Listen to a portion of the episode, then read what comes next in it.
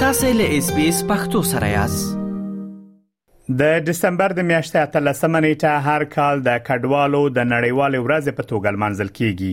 دا چې د کډوالو نړیواله ورځ ولې هر کال منځل کیږي او په کومه موخه د همدغه موضوع په اړه غواړم په افغانستان کې د کډوالو نړیوالې ادارې یا آی او ایم له پخوانی ویاند ښاغلی نصیر احمد حیدرزی سره مرکه تر سره کړه حیدرزی صاحب ډیره زیاته مننه چې د مرکې لپاره مو وخت راکړ که په پیل کې مهرباني وکړئ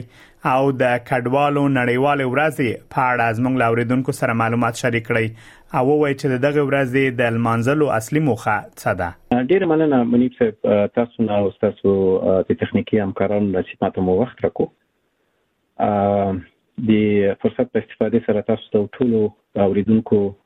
ته سلامونه او نیکی هیلې وړاندې کوم د تاسو د پوښتنې په ځواب کې باید یو څه مقدماتي تفسیره هم ولرم او بیرته بیا راسم د تاسو پوښتنې ته ځواب وایم اولا دا چې د نړیوالې ورځ یا ونی یا د نړیوالو ورځو ونی ولمانځل داسې موارد دي چې عامه خلکو ته د خاصو مسایلو په اړه چې نړیوال اهمیت ولري پوهاوی ورکوي او مثلا د بیلګې په توګه د فبروري دیارلسمه ورځ چې د ملګرو ملتونو د سازمان لخوا د رادیو نړیوال ورځ په نامه نومول شوې ده د دې ورځ په ترڅ کې د راډیوي نشراتو د اهمیت په اړه او د راډیو له لارې د معلوماتو د خبرولو په باب خبرې او اترې کیږي دوم مسله دا ده چې په نړیواله کچه د همغه خاصې مسلې لپاره د مالی سرچینو یا منابعو برابرولو او په نړیواله کچه د همغه خاص خاصې موضوع د ستونزو د حل لپاره د ګڼ هیوادونو ترمنځ د سیاسي اراده رامنځته کول یا چمتووالی دی درېمه مسله دا ده چې د بشري تمدن او انساني لاسته راوړنو د ستایلو په موخه او د هغه لاسته راوړنو څخه د ملاتړ کولو لپاره دغه ورځ مختلف ورځې لمانځل کیږي د نړیوالو ورځو د لمانځل لمانځل د ملګرو ملتونو له تاسیس او د ایجاد څخه کلونه او حتی پیړۍ مخکې لرغونتیا لري خو په خاصه توګه په یوویشتمه پېړۍ کې د ملګرو ملتونو سازمان یو لړ خاص موضوعاتو ته نړیوالې ورځې ځانګړې کړې دي چې تاسو یې نوملړ د ملګرو ملتونو د سازمان په ویبپاڼه کې موندلی شئ او اوس که مشخصا راسم د تاسو د پوښتنې ځواب ته چې د دسمبر اتلسمه او یا هم د کډوالو نړیواله ورځ چې په انګریزي کې ورته انټرنیشنل مایګرنټس ډې هم ویل کیږي چې دا څه ده او ولې لمانځل کیږي تر ټولو د مخه د کډوالو یا دغه کډوال خپل د ماهیت له لحاظه یا مهاجر څوک دی او څه تعریف لري په لغوي مفهوم کې مهاجر چې یو عربي اصطلاح یا عربي کلمه ده او په پښتو کې معادل کلمه موږ ورته کډوال لرو او دغه کډوال خپل د مهاجر یا د مایګرنټس مفهوم افاده کوي د ملګرو ملتونو د کډوالۍ د نړیوال سازمان یا آی او ام چې ورته وایي د انټرنیشنل اورګنایزیشن فور مایګریشن د دې سازمان د تعریف لمخې هغه څوک چې خپل د ټاټوبي څخه خوځېږي او حرکت کوي خپل د هیواد یو بلې سیمې ته کډه وړي او یا هم خپل د هیواد د نړیوالې پولې څخه په اوښتو په یو بل هیواد کې استوګنه غوره کوي پرته له دې چې څه حقوقي وضعیت کې قرار لري آیا د کډه کول اختیاري دي یا اجباري دي یا د کډه کولو لامل یې څه دی او همداراز د څومره مودې لپاره یې هغې سیمې ته کډه ور وړې ده دا لړ کسان بیا په مجموع کې د لړ کسانو ته په کډوالو او یا مهاجرو ویل ویل کیږي اصلا د دې ورځې تاریخچې ته که راوګرځو کډوال یا کډوالۍ د انساني تمدن یوه مهمه برخه ده. د انسانانو لومړنۍ د ژوند طریقه کوچاني وه. موږ د کوچاني ژوند سره په افغاني فرهنګ او ټولنه کې بلدتیا لرو. د اقلیمي، معیشتي او کله ناکله هم د خوندیتوب په لټه کې به انساني ټولنه له یوه ځایه څخه بل ځای ته کډه کوله. په دې اساس د کډوالۍ مفکرین دغه پدیدې ته په نظری بڼه باندې په دوو مختلفو فکری خطوطو باندې دا پدیده ویش او دا په دوه عمده عواملو پورې منسوب غني اول دا چې د وربللو نظریه ورته وایي یا په انګلیسي کې هغه پول فاکټورز ورته وایي هغه عوامل او شرایط دي چې کډوال خپل ټاټوبي څخه بل هیواد ته وربولي یعنې هڅوي یې چې خپل هېواد پرېږدي یا خپل ټاټوبی پرېږدي او بل هېواد ته کډه وکړي مثلا بهتره شغلي فرصتونه تعلیمي او تحصیلي فرصتونه ټولنیز رفاهیت صحي خدماتو ته لاسرسی د ژوند عالي معیارونه اجتماعي مساوات او کلتوري فرصتونه او داسې نور مسایل کېدلی شي چې یو کډوال دی نه دې ته وهڅوي چې خپل ځای پریږدي ورسي هغه بل هیواد ته دویم نظریه چې موجوده ده هغه د پوش فاکټرز عوامل دي د کډوالو په ټاټوبي کې هغه عوامل او شرایط په معمولا اشاره کیږي چې کډوال خپل د ټاټوبي په پریښودلو او ترک کولو اړ کېږي. د مثال په توګه، اقتصادي ستونزې، د امنیت نه شتون، دوامداره جنګونه، عامه خدماتو ته د لاسرسی د نه درلودلو، تعصب، تعقیب او مجازات او داسې نور هغه مسایل چې یو څوک په خپل ټاټوبي کې د هغه نه بېزاره وي او مجبور شي، دې ته اړ شي چې خپل منطقه او ټاټوبی، ملک، پرېږدي، بل هېواد ته ولاړ شي. د شلمې پېړۍ په دومه برخه کې کډوالۍ د امنیتي لاملونو تر څنګ د اقتصادي د کاري فرصتونو له کبله مخ په زیاتېدو وه. مثلا د دوم نړیوال جګړې څخه بعد د کاري فرصتونو لپاره په فقیر هېوادونو کې بشري ځواک یا په عامه اصطلاح باندې کارګران چې موږ تاسې ورته وایو مترقي هېوادونو ته به یې مخه کوله. په ځینې موارد کې د ښه معیشت او خپل د کورنیو لپاره په یو مترقي هیواد کې د وسا ژوند او د لا ښه اقتصادي او فرهنګي فرصتونو لپاره به د خلکو زړه شکاو او ورتلل به خو په عین حال کې قطع نظر لدی چې د کډوالو د کډه کولو موخه او لامل څه شي ده کله نا کله کارګران یا کارګر کډوال د ستونزو او ناخوالو سره مخ کېدل. دوی خپل د ټاټوبې څخه بهر د خپل د اساسي حقوقو ازادیو څخه محروم ګرځول کېدل او د دې له لویه د آسیب پذیري کچه د دوی لوړېدله. مثلا د قاچاق مسله مطرح ده قاچاقبرانو لپاره به یو ښه د عاید لاره وه او د سفر په لړ کې به خپل ځان قاچاق دې خلکو به خپل ځان قاچاقبرانو ته سپارلو چې د دې څخه د قاچاق د پیسو د وصول وصولولو لپاره به اجباري کارونه پې کېدل خراب کاري شرایطو کې به دوی ساتل کېدل او حتی د غیر صحي چاپیریالو په هغه کې به د دوی نه فزیکی استفاده کېدل او حتی جنسی استثمار هم د دوی نه کېدل نو دا ټول د دوی ژوند حتی کله په بعض مواردو کې ګواښل و نو د دې ستونزو د زیاتېدو سره نړیواله ټولنه د حل لاره د موندلو په لټه کې شوه په کال 1990 یعنی په 1990 میلادي کال کې د دسمبر په 13مه باندې د ملګرو ملتونو عمومي مجموعه یا اسامبله د ټولو کارګر کډوالو او د هغو د کورنیو د غړو د حقوقو څخه د ملاتړ تر عنوان لاندې یو نړیواله کنونسیون تصویب کړ په دې کنونسیون کې د ټولو کارګر کډوالو د انساني اساسي حقوقو لکه د ژوند حق، فردي ازادي، د فردي خوندیتوب حق او د سکنجې څخه خوندیتوب همداراز د تبعیض څخه د خوندیتوب، د داخلي او خارجي کارګرانو ترمنځ د متساوي حقوق او امتیازاتو د ورکړې په برخه کې، اجتماعي عدالت ته د لاسرسۍ حق، ټولنیز هوساینه، د کوچنیانو خوندیتوب، تر ټولو مهم د فامیل او د کوچنیانو خوندیتوب، د خپل د کورنۍ سره یو ځای پاتې کیدل، دا هغه مسایل وو چې په دې کنونشن کې نغښتي وو. بیا په دوه زرم میلادي کال کې د د دسمبر په اتلسمه باندې د ملګرو ملتونو عمومي مجموعه یا اسمبله د نولس سوه نوي نړیوال کنونسیون چې ما یې مخکې یادونه وکړه د دې د لاسته راوړنو په ویاړ باندې دغه ورځ یعنې د دسمبر اتلسمه د کډوالو د نړیوالې ورځې په نامه ونماوو او دا دی درویشت کاله کېږي چې د دې ورځ دا ورځ همدې نېټه د ملګرو ملتونو د کډوالۍ ادارې یا د کډوالۍ د نړیوال سازمان لخوا یا چې آی او ایم انټرنیشنل اورګنایزیشن فار مایګریشن ورته ویل کېږي دا پرله پسې هر کال په دې مشخصه نیټه باندې لمانځل کیږي حیدرزه صاحب تاسو د 1990 کال کنوانسیون ته اشاره درلوده دغه کنوانسیون د چا لخوا څارل کیږي او کوم اجرایوي ضمانتونه لري مننه مولوی صاحب دا کنوانسیون مشخصا د دې کنوانسیون څار د نورو بشري حقوقو حقوقو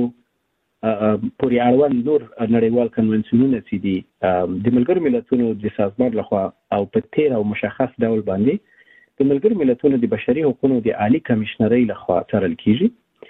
او د هغه هیوادونو لپاره چې د کنونسیون غړیتوب لري نړیوال اجرایی ضمانت ضمانت لري دا عالی کمشنری وخت په وخت راپورونه خبروي او په خاصو مواردو کې په خاصو قضایاو کې ګزارشونه او سپارښتونه چیړي او سپارښتونه او لارښوونې اړوندو هیوادونو ته او ذي دخل اطرافو ته وړاندې کوي د بشري حقوقو برسېره په دې کنوانسیون کې نور تخنیکی مسایل هم نغښتي دي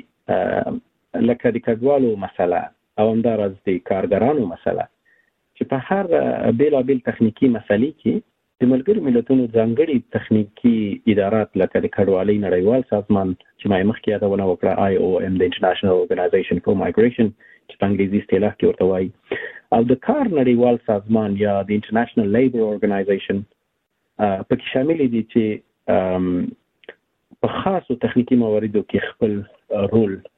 دوی ولوبوي حیدرزه صاحب د جون په شلمه چې کوم ورځ لمانځل کیږي هغه ته هم د کډوالو نړیواله ورځ وای په پښتو کې او د دسمبر 13مې نیټه ته هم په پښتو کې د کډوالو نړیواله ورځ نوم ورکول کیږي د رسنۍ لخوا کچیرته فرق وای چې په اصل کې دغه د کډوالو نړیواله ورځ چې د جون په شلمه لمانځل کیږي او دغه چې د دسمبر په 13مه لمانځل کیږي د دغه دوه ورځو فرق په څه کې ده او هغه ورځ د کومې ادارې او د دسمبر 13مه بیا د کومې ادارې له خوا لمانځل کیږي مننه منیر صاحب بله هو د جون شلمه د پناموندونکو او یا پناغشتونکو نړیواله ورځ ده دا ورځ د پناه موندونکو لپاره د ملګرو ملتونو عالي کمېشنرۍ یا UNHCR، United Nations High Commissioner for Refugees، چې ورته وايي، له خوا لمانځل کېږي. دا ورځ په نړیواله کچه د عامه پوهاوي د لوړولو په موخه او د دې لپاره لمانځل کېږي چې د نړیوال پام د پناه موندونکو او پناه غوښتونکو د وضعیت ته راوګرځوي او همداراز د پناه موندونکو رغنده ونډه چې په کوربه هېوادونو کې چې دغه هېوادونو پرمختګ کې لرلی راواړوي او د دوی له هلو ځلو څخه درناوی وشي زه تر ټولو له مخه منیب صاحب دوه شیانو ته ستاسو پام رابولم اولا دا چې د کډوالۍ مسله ډیره پیچلې او ان نن سبا یو تحقیقي برخه په ټولنیزو علومو کې ده او له بده مرغه د پښتو ژبي کلمات او اصطلاحات یې ظرفیت نه لري او ضرورت احساسیږي چې د پښتو د ژبي پوهان د پښتو ادبیاتو لیکوالانو لخوا کار پرې وسي مثلا دغه کډوال چې په انګریزي اصطلاح کې مایګرنټس ورته وایي او دغه وجه تسمیه چې دواړه لري یو ورلډ ریفیوجي دی ورته وایي چې تاسو د دوم مورد کې چې د جون شلمه ورته اشاره کوي او بل انټرنیشنل مایګرنټس دی چې کله موږ تاسو دا په پښتو کې راژباړو مایګرنټس او ریفیوجي دواړه هغه مختلف کلمات دي چې خپل د ځان لپاره د مشخصو سازمانونو لخوا خاص تعریفونه ورته وړاندې شول مثلا د مایګرنټ په هکله ما مخکې یا د کډوالو په هکله ما د ملګرو ملتونو د کډوالۍ د ادارې یا د کډوالۍ د نړیوال سازمان تعریف وړاندې کړ چې په هغه کې څو موارد بارز دي اول دا چې یو څوک چې خپل ټاټوبی پریږدي بل ځای ته تا په خپل هیواد کې دننه کبل ځای دی دا یو کډوال دی او که په بل مورد کې خپل د هیواد نړیوال پوله پوله نه واوري بل هیواد ته ولاړ سي هم کډوال ده قطع نظر دي دي سي آیا د د حقوقي وضعیت زه دا موضوع بیا تکرار کوم ځکه چې ربط لري قطع نظر دي دي سي که د د حقوقي وضعیت څنګه ده آیا دا قانوني وراوښتای غیر قانوني وراوښتای آیا د د اقامت بالته د څونو مودې لپاره وي همداراز نور موارد چې ما تاسو ته تذکر درکو لامل مثلا د د کډوالو د کډوالۍ لامل یې چې شي دا آیا د اختیاري کډوالۍ د اجباري د ټول په کډوالو کې راځي چې په انګریزي اصطلاح کې مایګرنټ ورته وایي او موږ یو عامه عربي مترادفه کلمه ورته لرو چې مهاجر چې هغه په دري ادبیاتو کې هم استعمالېږي او ماخذ د عربي د ژبې نه دی موږ په پښتو کې د کډوال لفظ ورته کاروو او همدا راز کله چې ریفیوجي ته راګرځو ریفیوجي یعنی هغه څوک چې پناه غواړي بیا دا مشخصا په انګلیسي کې بل اصطلاح ورته لري چې اسایلم سیکر ورته وایي چې هغه بیا بل کټګوري ده او حقوقي توپیر لري د ریفیوجي سره ریفیوجي هغه څوک وي چې پناه یې ترلاسه کړې وي پناه یې موندلې وي دې ته وایي ریفیوجي اسایلم سیکر هغه څوک ده چې تر اوسه یې کیس یا دغه دوسیه په جریان کې قرار لري او تر اوسه هغه حقوقي وضعیت نه ده مشخص تکلیف یې نه ده مشخص چې پناه ورکول شوی یا نه ده ورکول شوی خپل درخواستي ورکړي او کار یې جریان لري دا اسایلم سیکر ده نو د دې کلماتو لپاره موږ په پښتو کې مترادف حقوقي اصطلاحات یا کلمات نه لرو چې ما لکه څنګه چې مخکې تاسو ته یادونه وکړه چې باید ژبه پوهان د پښتو د ادبیاتو لیکوالان په دې باندې باید کار وکړي د ریفیوجي لپاره چې کوم زما قاصر فکر رسیږي د ریفیوجي لپاره د پناه موندونکو کلمه زه شخصا استعمالوم تر یو حده تر هغه وخته پورې چې د پښتو په حقوقي ادبیاتو کې دغه موضوع ځای پر ځای کیږي نو زه فکر کوم چې دا تر ټولو نږدې مفهوم وي په پښتو ژبه کې پناموندونکی ریفیوجي توپیر دی انټرنیشنل مایګرنټس دی او دی ورلد ریفیوجي دی چې یوې په تلسمه د دسمبر باندې منځل کیږي د کډوالۍ د نړیوال سازمان لخوا او بل یې د ملګرو ملتونو د پناه غوښتونکو د عالي کمشنرۍ لخوا په شلمه د جون باندې هر کال لمانځل کیږي دا متفاوت ورځې دي کډوال ټول کټګوري دي مهاجر په خپل مفهوم کې رانغاړي ریفیوجي یا پناه غوښتونکی مشخصا یو فرعي کټګوري ده چې یو ريفيوجي يا پناه غوښتونکی کډوال کېدلی سي اما هر کډوال ريفيوجي نه سي کېدلی ځکه چې د هغه آسيب پذيري او د هغه تعريف بېله ده چې هغه په نولس سوه یو پنځوسم کنوانسيون کې د هغه تعريف ډېر په په واضح ډول باندې راغلی زه به تاسو ته که د برنامې فرصت او ظرفیت وی چې زه به دغه تعریف تاسو ته کوم چې بل اخره دغه تفکیک چې موږ تاسو کوو د دې دواړو ورځو د جوتس د 1950 د کنونسیون له مخې پناموندونکی هغه څوک دی چې د نژادي، مذهبي، ملیتي د یو ځانګړي ټولنیزې ډلې سره د غړیتوب یا د سیاسي مفکورې یا فکر د درلودلو په اساس په خپل هیواد کې تر تعقیب لاندې وي او یا هم خپل دمطبوع هیواد څخه بهر وي او نشي کولای یا ویره یا ډار ددې موضوع لري او یا هم نه غواړي چې خپل هیواد د خوندیتوب او او ساتنې څخه استفاده وکړي یا برخمن شي یا په درېمه مرحله کې هغه څوک چې تابعیت نه لري او د داسې پېښو په پایله کې چې خپل پخواني استوګنه هیواد څخه د باندې سفر کړی وي او اوس نسی کولای یا ویره لري چې بیرته خپل هیواد ته ولاړ شي تر تعقیب لاندې وي نو دی خلکو ته د ریفیوجی کلمه یا د پنا غشتونکو او پناموندونکو اصطلاح ورته کارول کیږي په مشخص ډول باندې کډوالي لکه څنګه چې مې تاسو ته وویل یو پناه غوښتونکی یا پناه موندونکی کډوال کېدلی سي اما هر هغه کډوال پناه غوښتونکی نسی کېدلی یعنی کډوال یو عام اصطلاح ده یو عام د لوړي ظرفیت نه برخوردار یو مفهوم ده اما ریفیوجي یو مشخصاً فرعي کټګوري ده چې هغه په نولس سوه یو پنځوسم کنوانسیون کې په مشخص ډول باندې وضاحتونه پرې باندې ورکول شوي دي چې بیا کېدلی شي که چېرې بل وخت د برنامې ګنجایش وو د نولس سوه یو پنځوسم کنوانسیون د هغه په تاریخي